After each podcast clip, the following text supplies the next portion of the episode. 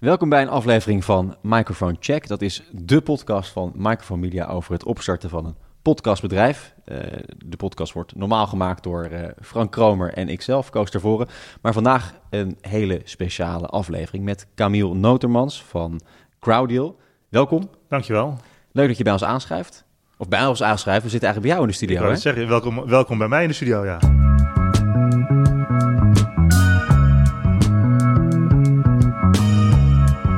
Vertel even, waar zijn we? We zijn Freedom Lab, uh, Freedom Lab Campus, Plantage Middelaan, tegenover Artis. Uh, dat is een ja, bedrijfsverzamelgebouw, doe ik niemand recht mee. Het is uh, oorspronkelijk bedacht door Dazim Investments. En die hebben ooit een denktank van filosofen en sociologen bij elkaar gebracht... die nadenken over de impact van technologie op de maatschappij voor de lange termijn. En eigenlijk is rondom die kern van die denktank de campus geïnitieerd. En daar hebben ze bedrijven, bedrijfjes, start-ups bij gezocht... zelfstandigen uit alle hoeken en gaten van de, van de professionele samenleving. En in die plek zitten we zelf ook sinds vorig jaar juli. Jullie zitten hier ook. Wat doen jullie precies? Um, wij houden ons bezig met, met, met, met corporate learning. Dus de manier waarop binnen bedrijf, binnen organisaties kennis wordt gedeeld met medewerkers, maar ook van bedrijven naar buiten met hun klanten of toekomstige klanten. Ja. En dat is ook een beetje de reden, Frank, waarom we Camille hebben uitgenodigd. Of waarom wij onszelf bij Camille hebben uitgenodigd. Ja, zo doe je dat eigenlijk. Ja, zo doe je dat tegenwoordig. Gewoon jezelf uitnodigen. Net zoals vroeger. Je was niet uitgenodigd en dan zei, kwam je gewoon langs. Ja. Dat hebben we ook gedaan. Want je zei in het begin, dit is een speciale uitzending. Ja. Want het is eigenlijk geen podcast, maar een... Dit is eigenlijk een vidcast, hè? Want er staan een aantal camera's daar, daar, daar. Ja. En het is voor ons een beetje onwennig. Hoe voelt het voor jou, Frank? Ja, ik voel me ook... Ik zie allemaal dingen om me heen. En die camera's een beetje nerveus. Ja. We hebben opeens iemand daar in de regiekamer zitten. Ja, maar goed. Maar dat is wat het speciaal maakt voor jullie dus. Ja, dat is voor ons uh, een primeur. Maar hartstikke leuk. De, de, luisteraars zien een keertje naar wie ze luisteren. Ja, dit zijn de boys van uh, de podcast. Maar goed, waar we het graag met jou over willen hebben is je business. Want ja. eigenlijk zijn er heel veel overeenkomsten tussen onze beide businesses. Wat wij doen in podcastvorm, doe jij misschien ongeveer in webinarvorm. Ja. Um, Waarom is dat zo'n goed middel, webinar, om kennis te delen voor bedrijven en organisaties? Nou, er zijn, het goede is, bij webinars moet je even denken, wat is een webinar precies? Want er zijn er hele vele soorten en maten.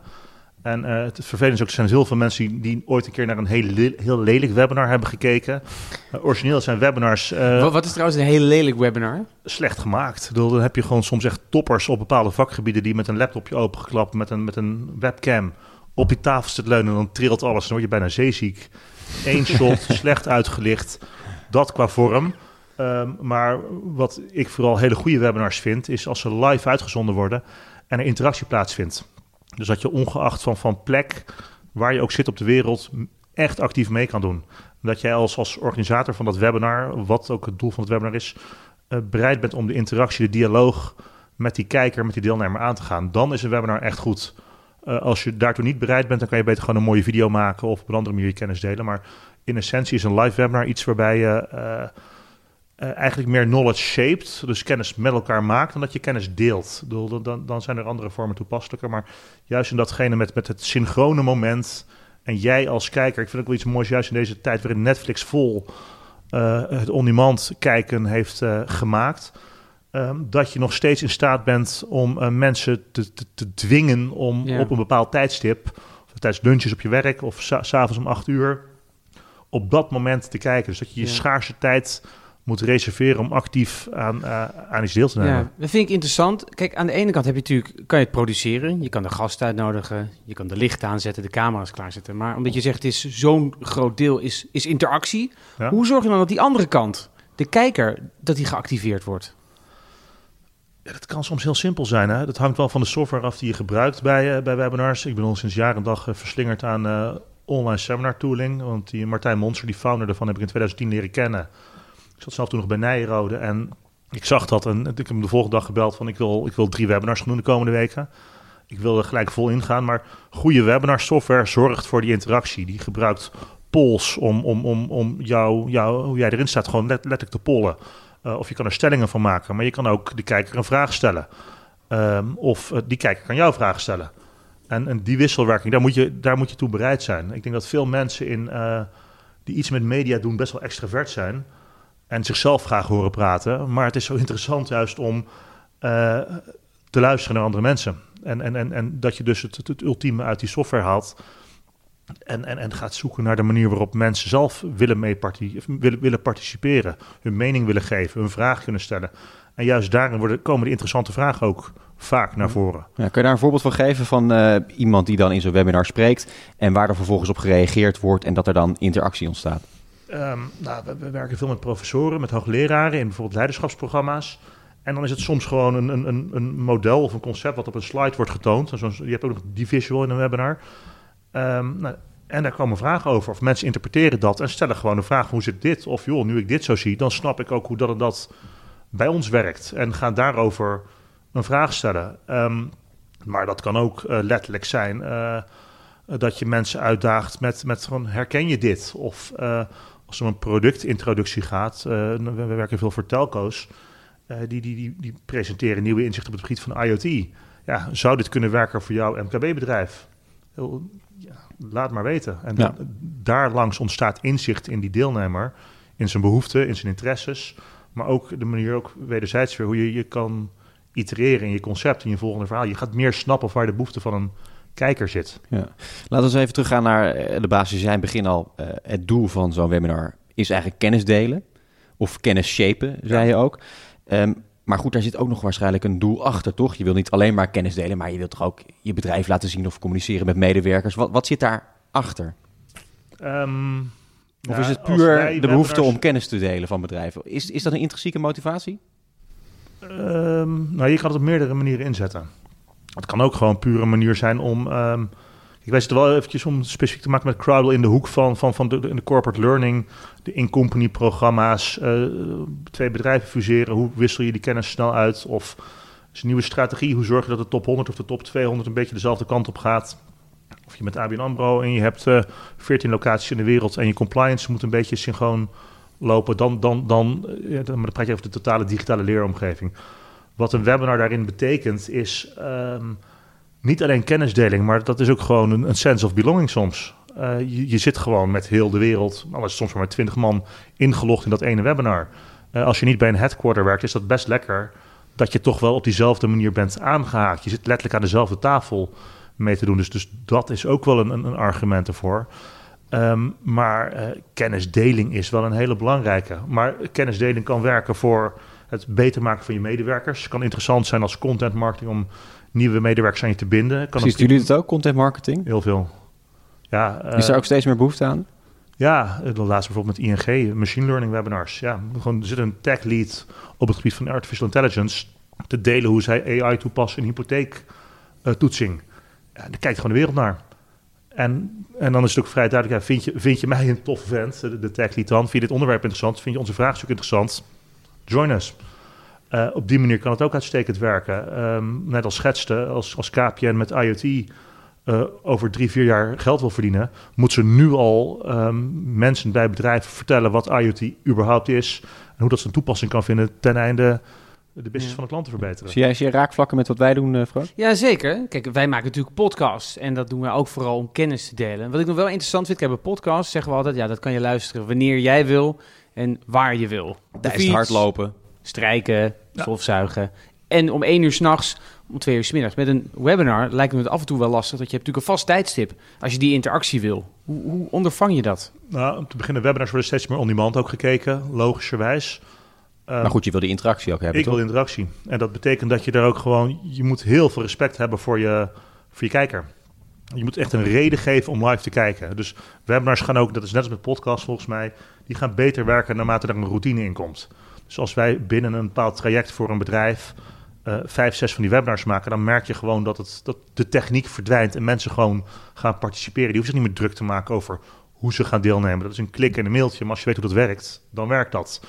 Uh, en, en als ze weten wat je kan verwachten en dat je echt je vragen kan stellen, dan, ja, dan verdwijnt die techniek, maar dan, dan is het gewoon, gewoon aan het worden. Ja. Uh, dat, maakt het, ehm, dat maakt het aantrekkelijk, maakt het makkelijk maar ook, uh, dan kom je gewoon tot de essentie. En dat is gewoon met elkaar kennis delen of actief meedoen. Kijk, het gaat niet de podcast afkraken, maar het blijft wel een passieve kennisvorm. Maar dat is een video ook. Het is alleen attractief of makkelijk. En ik vind dat soms ook best wel een beetje mensen wat meer hun best moeten doen. Ik ben me ook al zelf een week aan het irriteren dat ik nog geen boek gelezen heb of iets nieuws tot me heb genomen. Dat is, ehm, we worden zo makkelijk afgeleid tegenwoordig met de mobiele telefoon in onze, onze hand en alles wat op ons afkomt. Uh, ik denk dat het goed is dat mensen activiteit gaan invullen om te investeren in zichzelf. Of als het in een bedrijfscontext is, gewoon daar ja, dat je er tijd voor maakt. En, en, en dus de verplichting aan onze kant om ook te zorgen dat dat het hele nuttige en waardevolle tijd is.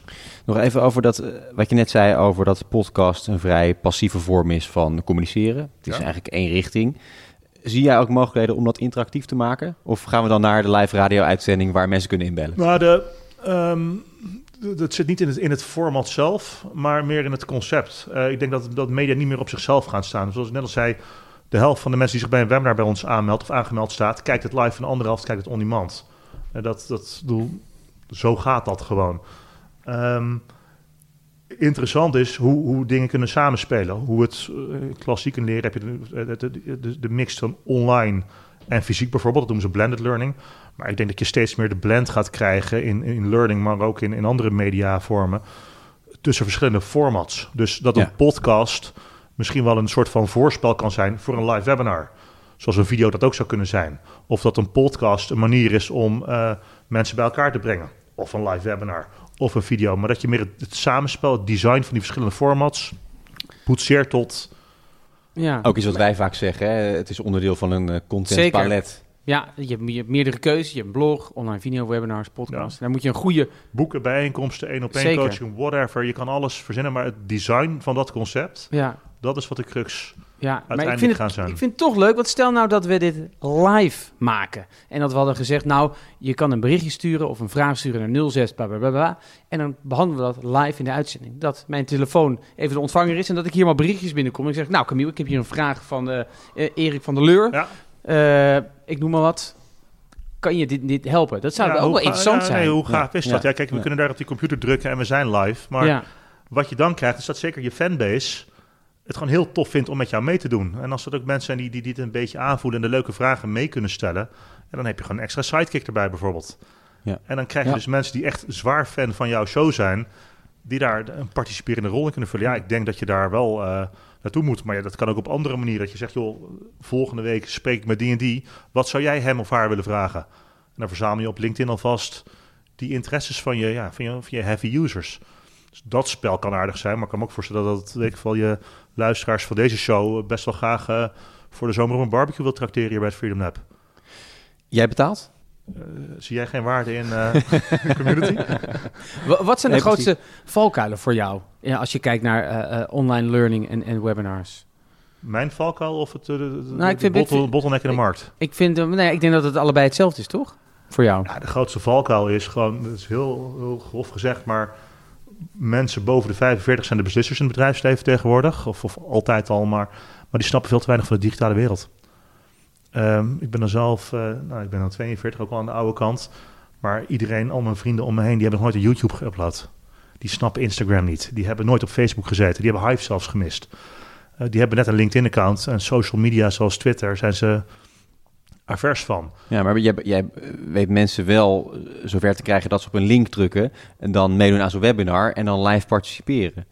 En dat zijn toch niet alleen maar mensen die jonger zijn dan 45, of wel? Nee, nee, nee. Ik bedoel meer, de, de valkuil zit erin dat, dat waar ik letterlijk tegenaan loop, dat, dat die mensen, die beslissers, om die klassieke term te gebruiken, te weinig snappen van wat er in die online wereld echt mogelijk is en daar te weinig lef in hebben. Ik heb, ik heb voor, voor Jouw klanten bedoel je? ABN AMRO de mooiste HR-programma's gemaakt wereldwijd.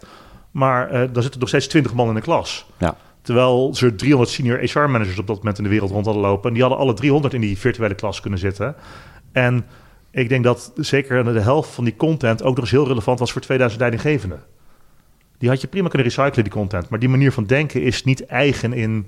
Daar moet je wel een beetje savvy voor zijn. En dat, dat, dat mist uh, vind ik nog wel te veel. Maar goed, dat is ook een kwestie van uh, een beetje adem houden. Maar daar zou wel wat meer in mogen veranderen. Maar goed, webinars bestaan al een tijdje. Ja. Podcast natuurlijk ook, maar zijn natuurlijk de afgelopen jaren flink... bestaan langer. Eigenlijk al langer, 2001, maar zijn snel opgekomen de afgelopen jaren. Ja. hoe heb jij ervoor gezorgd dat je bij die groep duidelijk maakt dat het inderdaad een mooi middel is om te gebruiken. En hoe dat dan werkt in deze digitale wereld. Experience. Ik bedoel, dat is, mensen moeten het gewoon meemaken. Dat, dat is het, en, en er de positieve ervaringen hebben. Dat, dat is vanuit uit de kijkerskant. Aan de andere kant is het, het is ook heel leuk voor bedrijven om ook co-creërend bezig te zijn. Om, om zelf mee te kunnen denken aan de content. Maar wat doe je dan? Is een pilotje? Nee, dat hoeft, dan, dat hoeft gelukkig niet, niet meer. Nee, ja, ja, wat is een pilot? Het is gewoon het begin van kom een keer, kom een keer langs, gaan zitten. samenwerking, maar je moet er wel geld voor vragen. Dat is, nee, tuurlijk. Um, nee, dat maakt het ook serieuzer trouwens. Dat is wel... Uh, ja, nee, mensen kunnen kijken, kunnen, kunnen het zien uh, natuurlijk. Mensen, mensen snappen dat ook wel. Het is meer het, het besef hebben dat je op die manier op een andere manier bezig kan zijn met met leren of met je klantrelaties of met nieuwe, nieuwe, nieuw talent aantrekken of misschien wel je oud-werknemers aan je blijven binden. Dat is natuurlijk ook hartstikke net nuttig. Dus uh, mensen snappen dat wel. Alleen je moet ze ook ervoor zien dat ze datgene wat ze al gewend zijn thuis met Netflix of met een familie op Facebook, uh, dat je dat ook gewoon in je werkomgeving vrij goed kan organiseren. Er zit heel veel expertise binnen bedrijven. Er zit heel veel, heel veel zin ook bij mensen om een verhaal te delen. Mensen kunnen dat wel, zijn trots op hun werk. Dus op die manier um, uh, moeten mensen iets meer gaan denken en gewoon gaan experimenteren. En ik denk dat dat, dat, dat uh, voor jullie geldt, maar ook voor ons. Je moet mensen ook wel uitdagen om die exploratie aan te gaan. Ja. En dan, dan, maak je snel, dan maak je snel meters. Maar de zin is er. Uh, dus tot slot, hoe zie jij de toekomst van podcast als middel om kennis te delen voor organisaties en bedrijven? De komende vijf jaar heb je een uh, verwachting? Het vervelende is dat, dat, dat, dat, dat, dat nu diezelfde groep mensen waar ik net over had gaan bedenken dat het wel interessant is, een podcast. Zeker om jongere mensen aan je te binden. Dus dan gaan ze het weer als een single medium bekijken. En de uitdaging gaat zijn, denk ik, voor, voor, voor, voor, voor jullie, maar ook voor ons in onze business, dat dat veel meer tot geïntegreerde concepten gaat leiden, waarmee je een, lange adem hebt richting de doelgroep die je wil bedienen, maar dat, dat je veel meer inzet op uh, ja, de omnichannel of de cross-mediale, weet je hoe, hoe je het gaat doen, maar je moet op meerdere manieren relevant gaan zijn om mensen aan je te binden en, en, en op die manier het spel te gaan spelen. Dus, dus niet vanuit single format gaan kijken, maar je moet, wij moeten er ook gaan samenwerken. Mooie uitnodiging. Mooie, mooie uitnodiging, uitsmijter. Ja. Toch? Leuk. Samenwerken. Gaan we doen. Dit was Microphone Check. Dank dat je er was, Leuk. Camille. Leuk dat je er was. Kunnen, kunnen mensen als ze dit op iTunes luisteren dan ook kijken? Ja, we moeten het ergens uploaden, hè? Uploaden, ja. Waar doe je dat? Gelukkig zijn we niet boven de 45, dus zijn... wij weten dat wel. Zijn er kanalen waar je video kan kijken online tegenwoordig? we gaan het zien. Uh, je kan je in ieder geval abonneren via iTunes en Spotify. Dat is hoe je een podcast kan luisteren. Uh, en dat kan altijd, wanneer je ook maar wil. Dat is mooi. Dankjewel, Camille. Graag gedaan.